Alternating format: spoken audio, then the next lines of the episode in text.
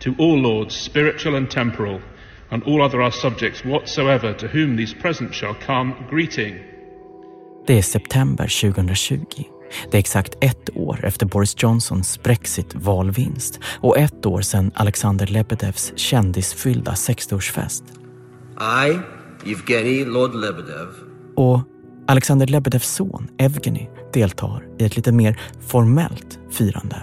Do solemnly, sincerely, and truly declare and affirm that I will be faithful and bear true allegiance to Her Majesty Queen Elizabeth, her heirs and successors according to law. Han är klädd i en röd sammetsrock, kantad av vit päls gjord på ekorrar med vinterpäls.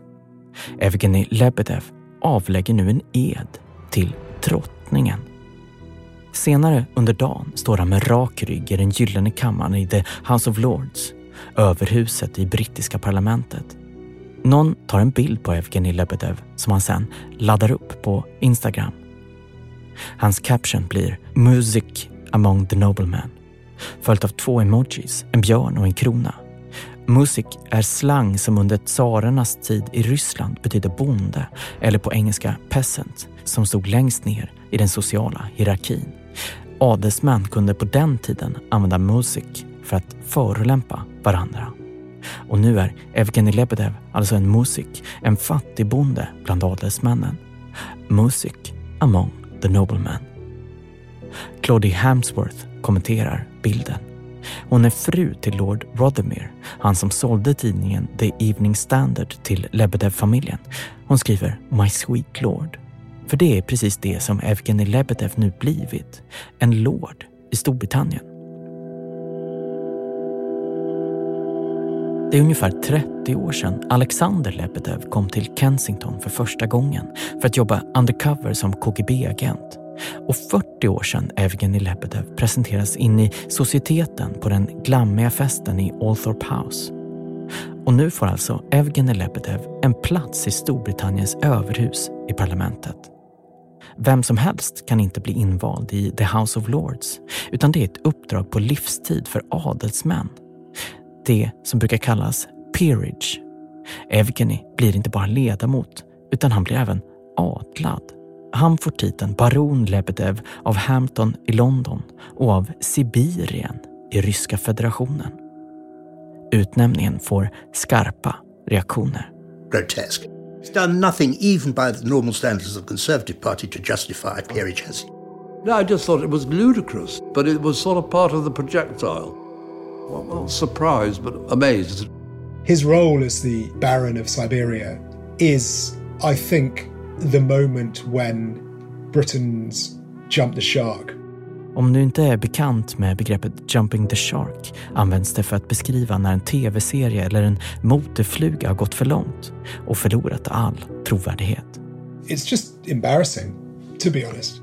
Det här är författaren Oliver Bullow som skrivit boken Butler to the World om oligarkerna i Storbritannien. Mean, just try and imagine that in, in America, right? I mean, America obviously has plenty of problems, but it's just how cheap Britain is. If you look at how much money it takes to buy an American politician, it's a lot of money. Whereas in this country, you know, it's like nothing.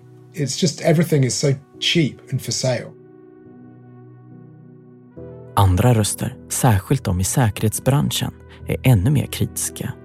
En lord som är involverad i den brittiska underrättelsetjänsten berättar för oss, citat, Andra ledamöter inte alls lika nöjda tror jag ni kommer märka med Lebedevs ankomst. Slutcitat.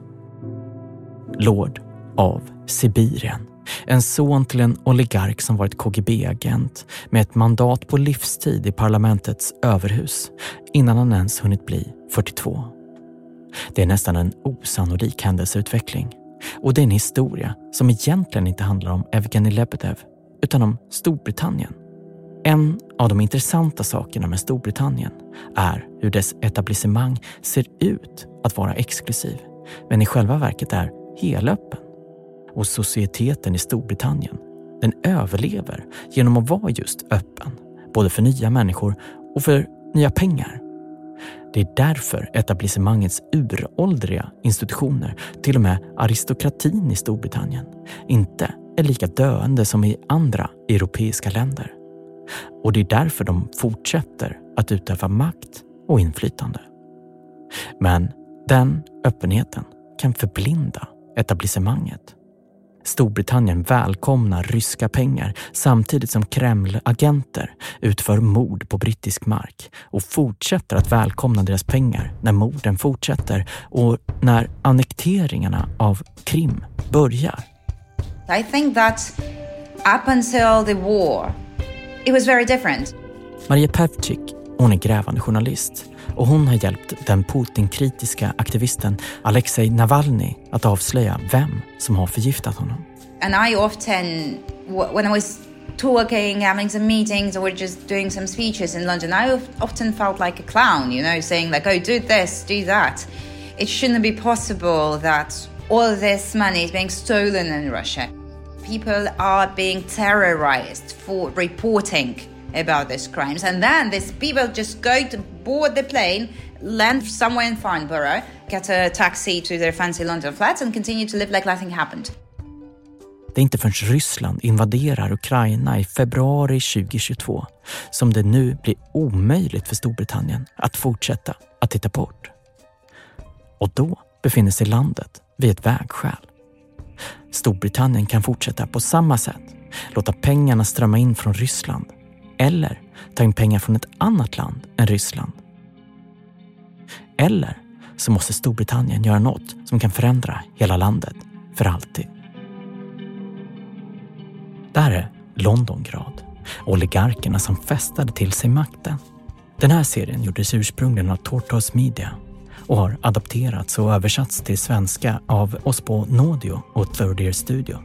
Vår reporter Paul Caruana Galizia söker svaren om hur de ryska oligarkerna tog över London. Han har sedan 2021 rapporterat om oligarkernas framfart i London och den här serien Londongrad publicerades första gången 2022 i Storbritannien. Jag heter Martin Jonsson och det här är avsnitt 6 av Londongrad.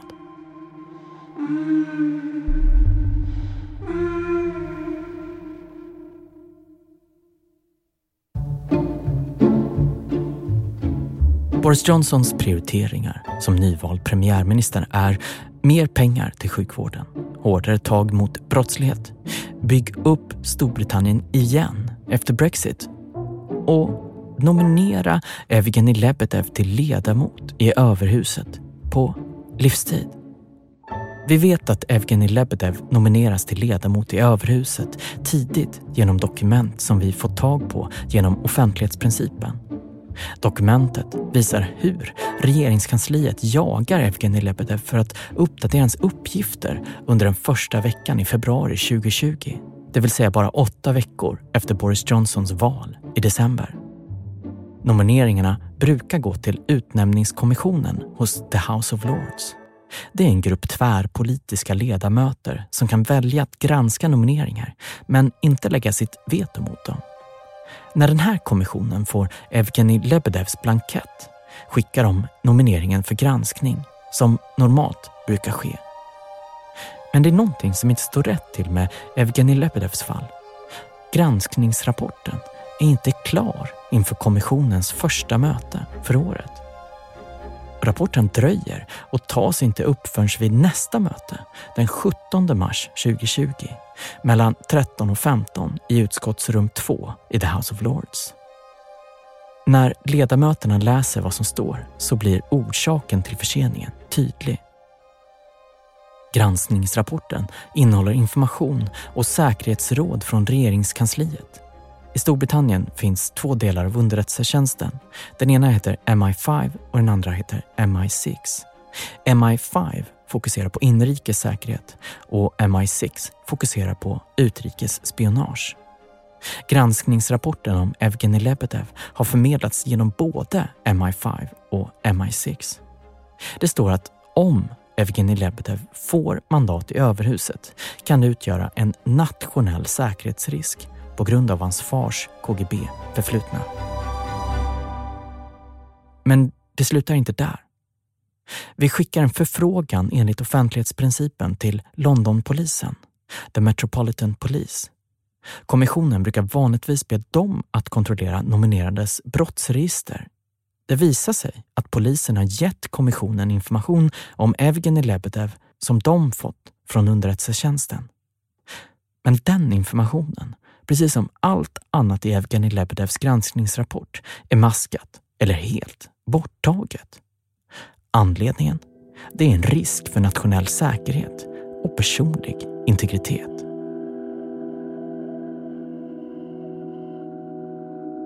Så å ena sidan, sekretess är nödvändigt. Det säger det sunda förnuftet.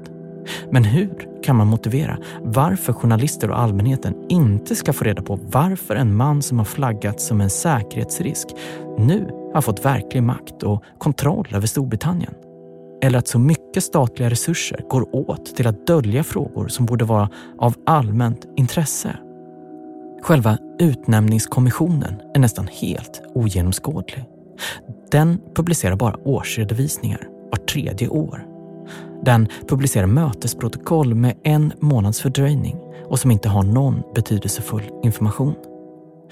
Kommissionen har inte publicerat några svar på förfrågningar om offentlighetsprincipen på över fyra år. Och svaren som har publicerat visar att den rutinmässigt säger nej till förfrågningar. Här är vad mer vi har kunnat ta reda på om Evgenij Lebedevs fall. Kommissionärerna, uppskrämda av Evgenij Lebedevs granskningsrapport, skriver till premiärministern Boris Johnson för att avråda honom från nomineringen och rekommenderar honom att hitta någon annan. Bara två dagar senare träffar Boris Johnson Evgenij Lebedev i sin privata bostad på Downing Street 11.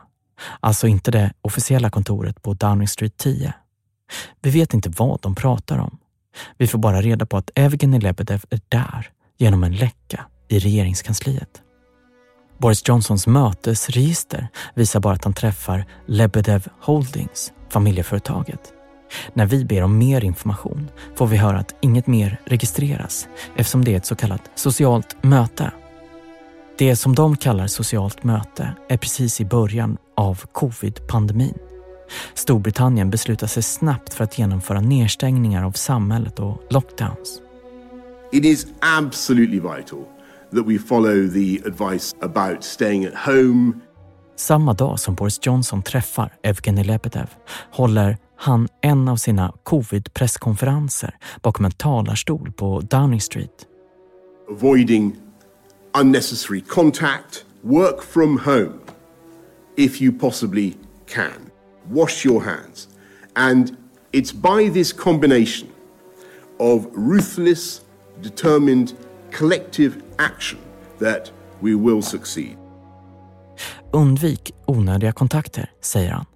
Och kollektiv handling. Men det här är vad han egentligen gör efter att han har träffat Evgenij Lebedev. Han berättar för sin tjänsteman på regeringskansliet att säkerhetsråden om Evgenij Lebedev är citat russofobiska, slutcitat. Tjänstemännen minns att Boris Johnson bör jobba hårt för att åsidosätta råden. De är inte bara chockerade över hur olämplig Evgenij Lebedev är för att väljas in som ledamot i överhuset, utan också över att premiärministern ser det som en stor prioritet precis i början av en global pandemi. Men av skäl som fortfarande är oklara fortsätter Boris Johnson och lyckas.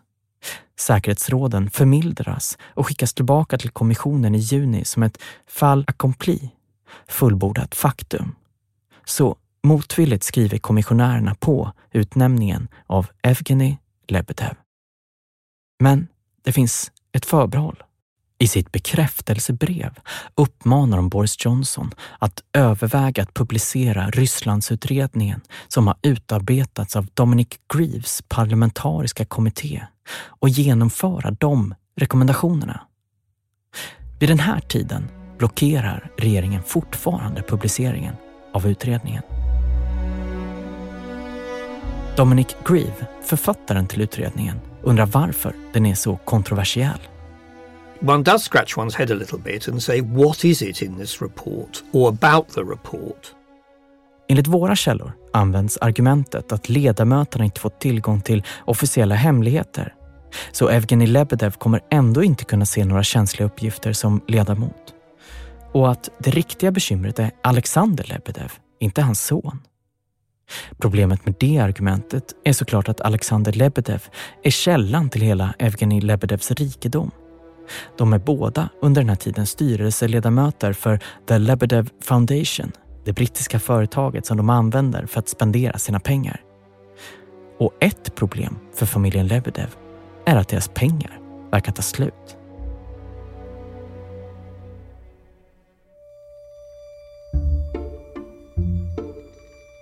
Det första tecknet på att far och son Lebedev inte kan täcka sina kostnader kommer 2019. Det är då de säljer en tredjedel av The Evening Standard och av The Independent. Försäljningen är så kontroversiell att köparnas identitet behöver gömmas genom ett antal skalföretag. Men till slut avslöjas köparen. Det är en saudisk medborgare som frontar ett företag för Fasail bin Salman al-Sad, bror till kronprinsen av Saudiarabien.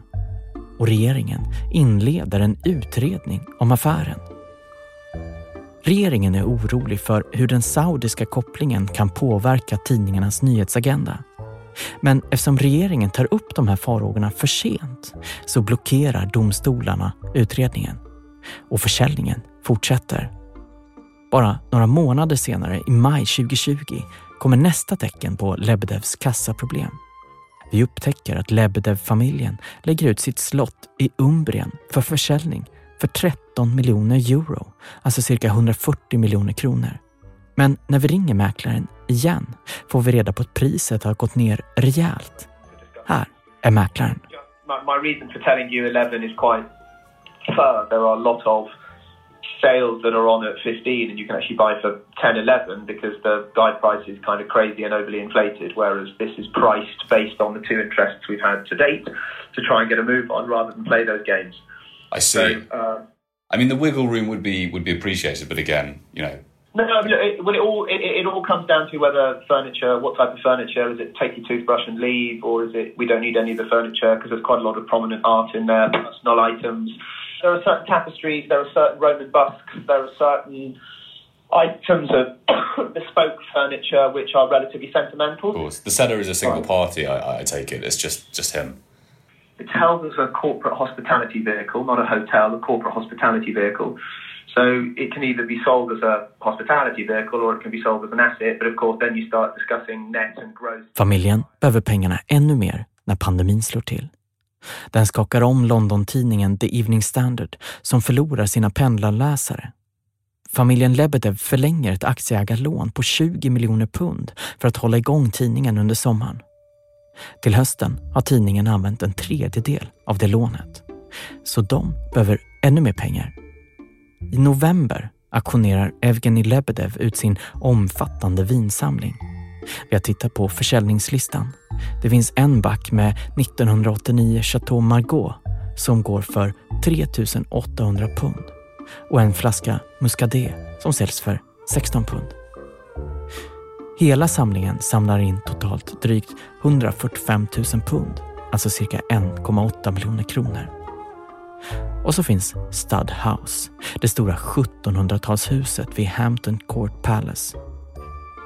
Vi köper fastighetsregistret från brittiska Lantmäteriet för 3 pund. Den avslöjar att Evgenij Lebedev lånar pengar på huset från Deutsche Bank samma månad som hans vinaktion. Fastighetsregistret listar Evgenij Lebedev som ägare av Stadhouse. Men Lebedev-familjen är till en början mer diskreta. De har köpt hyreskontraktet på Studhouse med hjälp av ett skalbolag som heter Ordin Investment registrerat i Bahamas. Och skalbolag är ju egentligen en brittisk uppfinning. Det var en gång en brittisk advokat på brittiska Jungfruöarna, en av de sista resterna av det gamla imperiet, som uppfann skalbolag. Tanken var från början att hjälpa amerikanska företag att undvika det som de ser som höga bolagsskatter.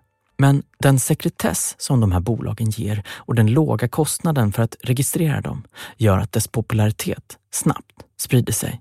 Initially it was just used by Americans and then used by drug cartels from South America and then used by Hong Kong Chinese business people who were concerned about the potential handover of Hong Kong back to Chinese control and then just by anyone. Det här är Oliver Bullough, journalist och författare till en ny bok om oligarker i Storbritannien som heter Butler to the World. The more I thought about it, the more it seemed like the perfect parallel for Britain's position in the world these days as this sort of provider of corruption services to anyone that wants them. Det finns många fördelar för både företag och oligarker att flytta till Storbritannien, menar Oliver. We move money efficiently and profitably and with low regulations and low taxes. You know, we can resolve business deals. We have legal services who will do that for you. We have defamation and reputation protection. So if a journalist is writing about you, you know, our lawyers will make the journalists uh, or business rivals or whoever shut up. So those are the obvious ones. But then, you know, we have political services. We will welcome people to this country, give them a strong position in society, sell them property. Och det finns andra skäl också som avslöjar hur Storbritannien lockar in utländska pengar. An absolutely fascinating discovery of, for me of the last few weeks is the fact that all super yacht captains are British. You know, there was this fascinating investigation by Alexei Navalny, the Russian anti-corruption activist, that this super yacht, the Scheherazade, which looks like it may belong to Vladimir Putin, where the entire crew were employees of the Federal Security Guard Service that guard the Kremlin, apart from the captain, who is British, because they're always British. Men som Oliver Bullough förklarar ligger Storbritanniens framgång också i vilka tjänster de inte tillhandahåller. There were other places that moved money on behalf of, you know, Russian oligarchs. A lot moved through Switzerland, a lot moved through the US. But both of those countries investigated and prosecuted the enablers that did this.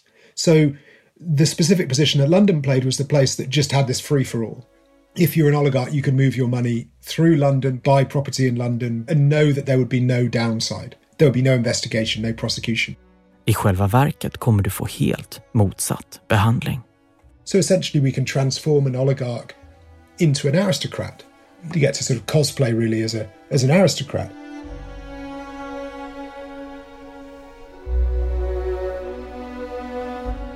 Den 21 juli 2020 publicerar regeringen Rysslandsutredningen som parlamentet har gjort, lett av Dominic Grieve. And I should make clear, when it was published, it was published in exactly the form that we had submitted it to the Prime Minister okay. in October 2019, and there had been no changes to the text of any kind whatsoever.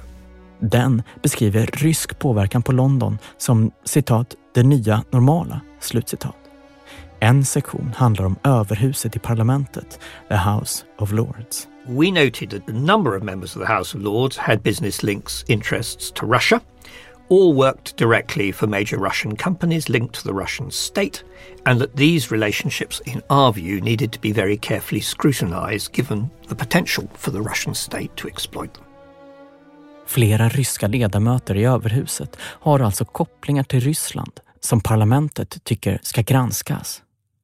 Tio dagar senare släpper regeringen ett till dokument. Det är en lista på 36 nomineringar för livstidsmandat i överhuset. Bland de 36 nomineringarna finns Evgeny Lebedev. När hans nominering kritiseras skriver Evgeny Lebedev en artikel i Lord Rothermeres tidning Mail on Sunday. Han beskriver kritiken som citat snobberi och slentrianmässig rasism. Slutcitat. Han fortsätter, citat. Så till alla de som hånar min ryska bakgrund säger jag det här. Är det inte anmärkningsvärt att sonen till en KGB-agent och en första generations invandrare i det här landet har blivit en sån assimilerad och bidragande medlem av det brittiska samhället?” Slutcitat.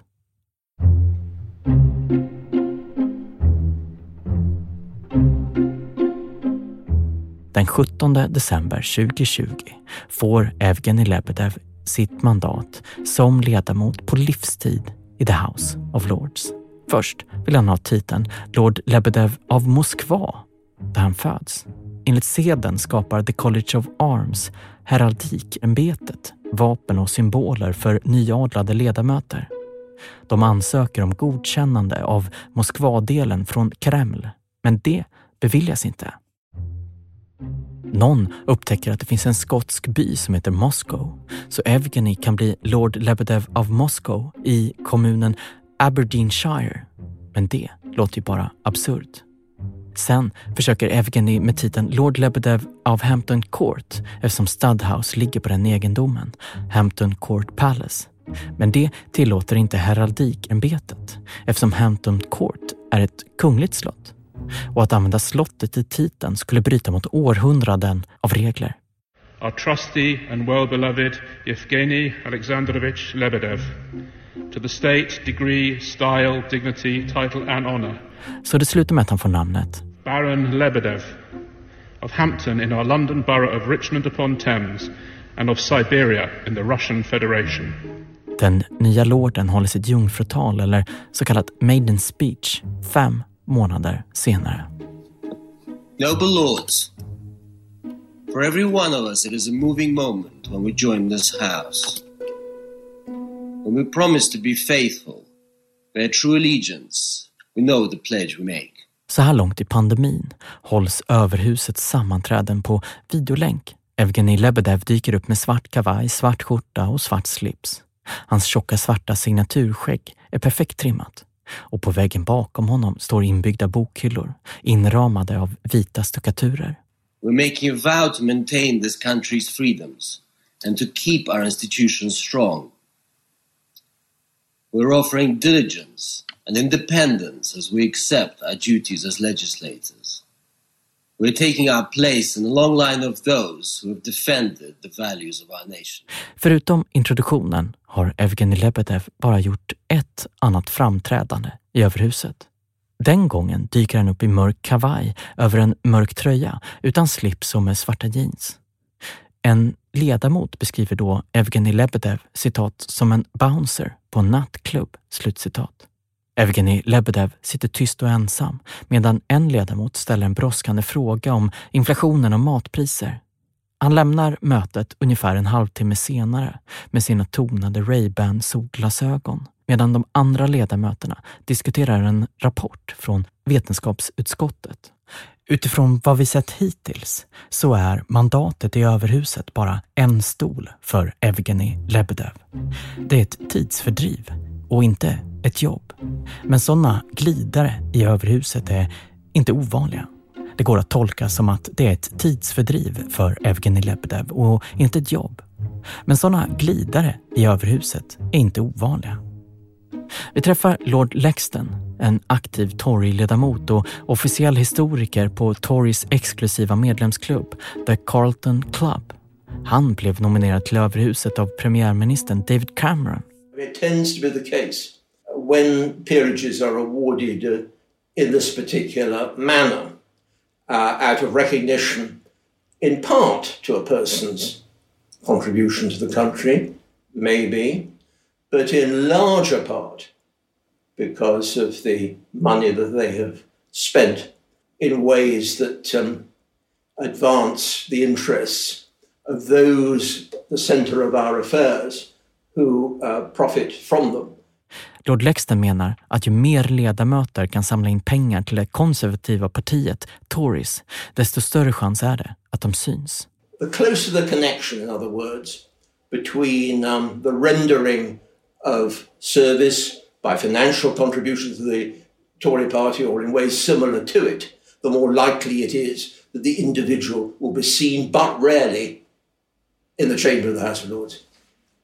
There is nothing new about that as a feature of British political life. I mean, it goes, it goes back to the 19th century. And, um, House of Lords har vuxit lite sedan dess.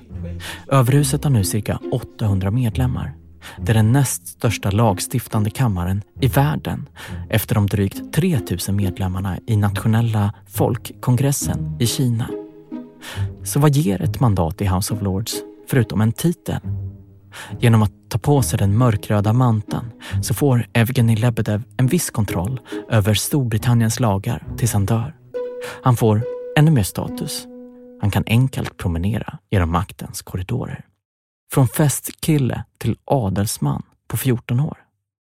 Men det här är grejen. Evgenij Lebedev sitter i House of Lords som en crossbencher, alltså obunden till ett politiskt parti. Och varken han eller hans far Alexander Lebedev har officiellt donerat pengar till det konservativa partiet Tories eller till Boris Johnson. Så nomineringen är inte ett klassiskt fall av stöd i The House of Lords, sägs det. De är bara vänner. Well, Mr Johnson doesn't care about very much. Uh, he is perfectly content to see and to promote and undertake himself in the curious, blithe, and brazen way in which he conducts um, his life. So it is part of the way in which he treats the world.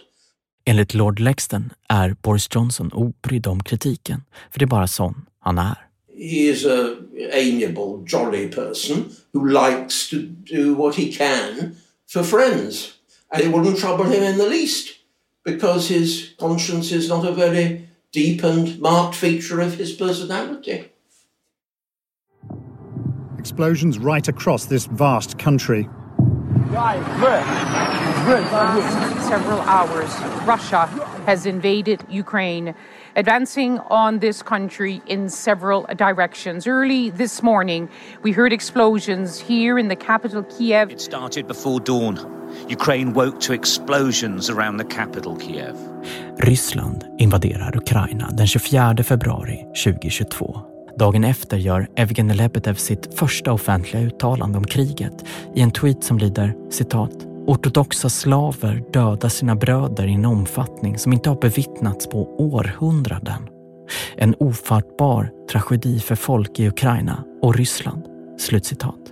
Den här tweeten innehåller exakt den tvetydighet som Evgeni Lebedev behöver för sin image. I London ser det ut som att han säger det rätta och tar avstånd från invasionen.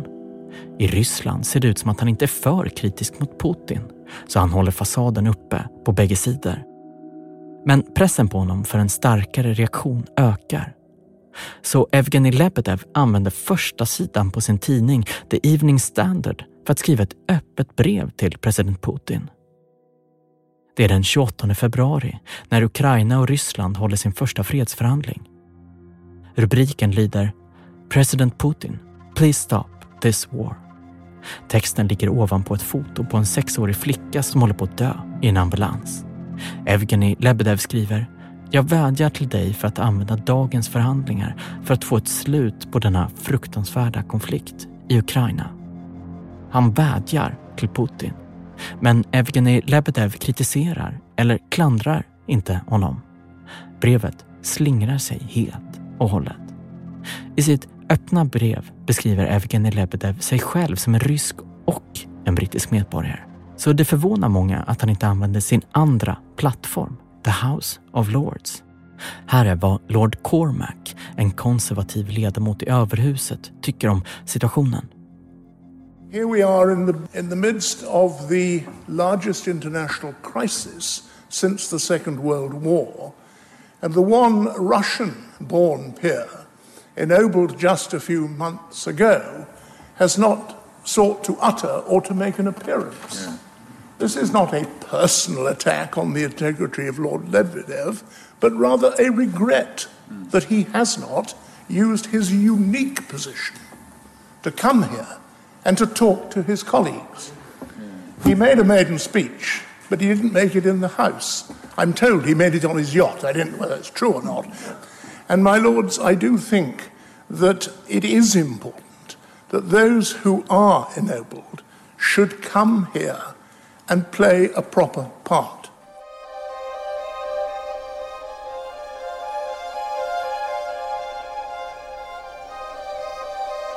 Lebedev-familjen, kanske mer än de största oligarkerna som Oleg Deripaska och Roman Abramovich, är det bästa exempel på rävsaxen som Londongrad nu befinner sig i.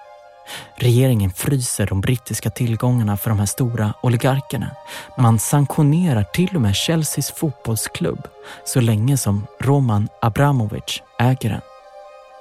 Men vad kan staten göra med familjen Lebedev som under många år har arbetat för att integrera sig, inte bara i Storbritanniens ekonomi, utan också i samhället och i politiken? Boris Johnson denies that he intervened to override security concerns in the appointment of the Russian oligarch to the House of Lords. The deputy Labour leader Angela Rayner uh, joins us now. Regeringen har till och med vägrat att avslöja vilka säkerhetsråd man fick mot Evgenij Lebedevs nominering till överhuset. Vice partiledaren för Labour, Angela Rayner, berättar för BBC. Uh, what do you think went on behind the scenes? Well, this is the problem. We don't know because the Prime Minister, you know, is, had accusations from his senior advisor that he intervened. The Commission rejected the peerage for Lebedev, and it's clear that the Prime Minister overruled that against our national security advice. So that's why we're calling for that advice to be published so that we can get to the bottom of it.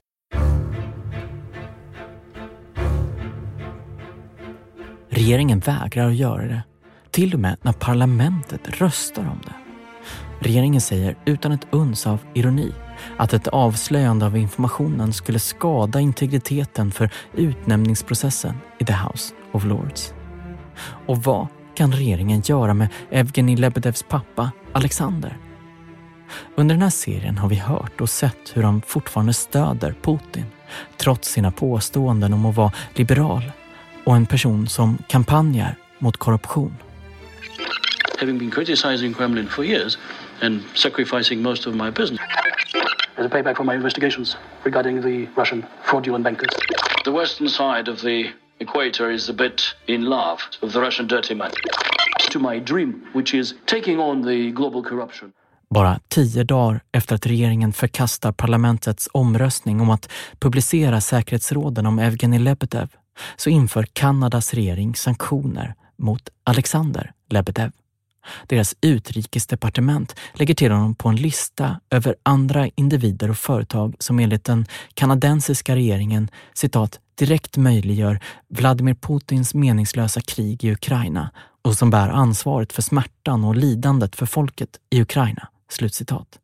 Vi frågar departementet om de jobbar med Storbritannien, det vill säga en annan NATO-medlem, kring Alexander Lebedevs utnämning på listan över krigets möjliggörare. Det kanadensiska utrikesdepartementet svarar citat Kanada samordnat sig med likasinnade länder för att bedöma potentiella mål som bäst skulle påverka Putin och hans möjliggörare. Slutcitat. Den brittiska regeringen säger att de landar i en annan bedömning av Alexander Lebedev. Samtidigt minskar Alexander Lebedev sin exponering, kanske för att han känner instabiliteten i Boris Johnsons regering. Alexander Lebedev han lämnar sin roll på The Independent och på Lebedev Foundation som håller på att avvecklas. Evgenij Lebedev, han är kvar i London. Hans kostymdrama har tagit honom från en rysk midsommarfantasi i frack till en invigning i The House of Lords i röd sammetsrock. Hans berättelse är en brittisk historia nu. Tidningarna, festerna och mandatet. Storbritannien befinner sig nu i ett vägskäl. When the dust settles, it'll be really interesting if the government actually follows through and forces a sort of downsizing of this butlering business. För Oliver Bullow, författaren bakom Butler to the World, är problemet större än pengar från Ryssland. You know, you got to understand Britain isn't just butler to the Russians, it's butler to the world. The money doesn't just come from Russia it, it comes from everywhere. The way the Azeri money comes here, or Ukrainian money, or Malaysian money, or Nigerian money, it comes in the same way. It's spent in the same way. The problem is so much bigger than just Russian money. Storbritannien kan fortsätta med sin roll som världens butler, ta in pengar från ett annat land än Ryssland. Eller så måste de göra någonting.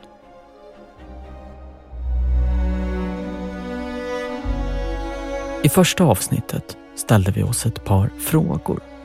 Vad gjorde Storbritannien mot sig själva när de öppnade dörrarna för ryska pengar? Var de verkligen villiga att ignorera lönnmord om lönnmorden stod i vägen för pengar?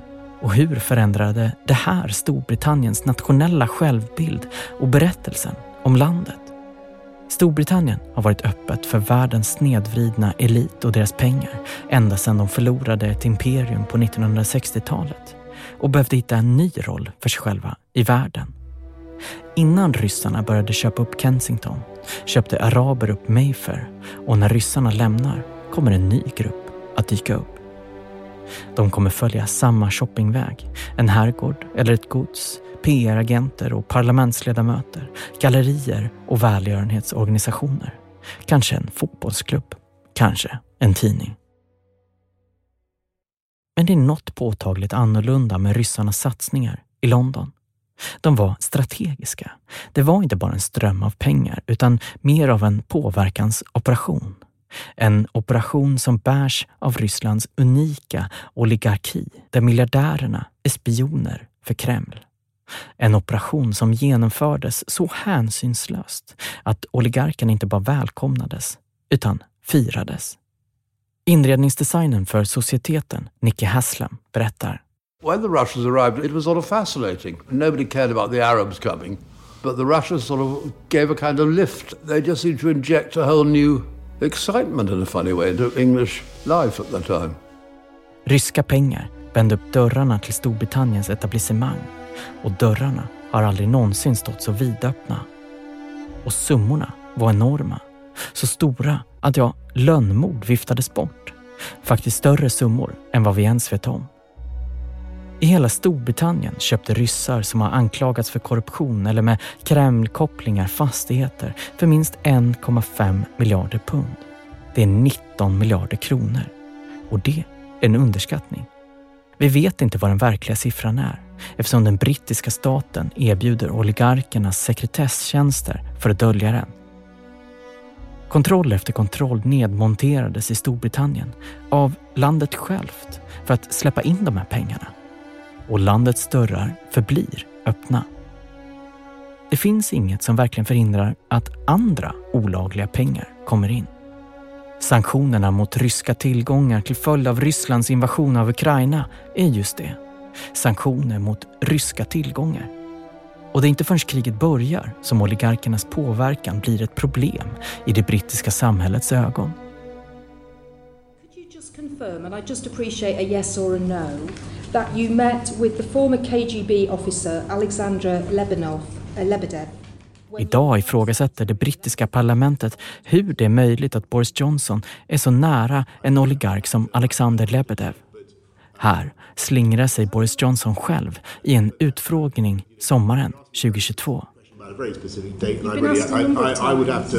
I'd have to get back. I certainly have met the gentleman in question who's uh, who's uh, who, who used to be the proprietor of the London Evening Standard. I, when I was uh, when I was mayor of London, so I, I, I certainly not going to deny having met uh, Alexander Lebedev. I, I, certainly have. As far as I remember, uh, he used to own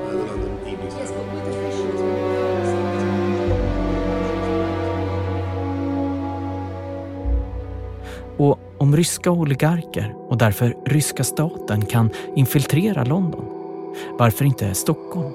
Varför inte Washington? Vad är det som händer när kändisar och politiker går på fester och event som arrangeras av diktaturer? Den här historien handlar inte bara om Rysslands övertagande av London. Det handlar också om Qatar, Saudiarabien och Kina. Hur mycket inflytande kan agenter och de här länderna få innan vi inser att det är för sent? Storbritannien har länge utgett sig för att vara ett land som inte låter sig köras över. Men kanske har den bilden nu förändrats. En nations historia formas oftast av dem som har makt. Och i Storbritannien har två nya personer fått plats i den här berättelsen. Alexander och hans son Evgeny Lebedev. Tack för att du lyssnat på Londongrad. Den här serien är skapad av Paul Caruana Galizia. Producent på Tortoise Media är Katie Gunning. Ljuddesignen gjordes av Tom Kinsella och mig, Martin Jonsson. Klippningen gjordes ursprungligen av Sari Thomas och bearbetades av Tanvir Mansur. Svensk översättning är också av Tanvir Mansur. Och jag heter Martin Jonsson. Det här är en produktion av Tortoise Media i samarbete med Nodio och Third Ear Studio.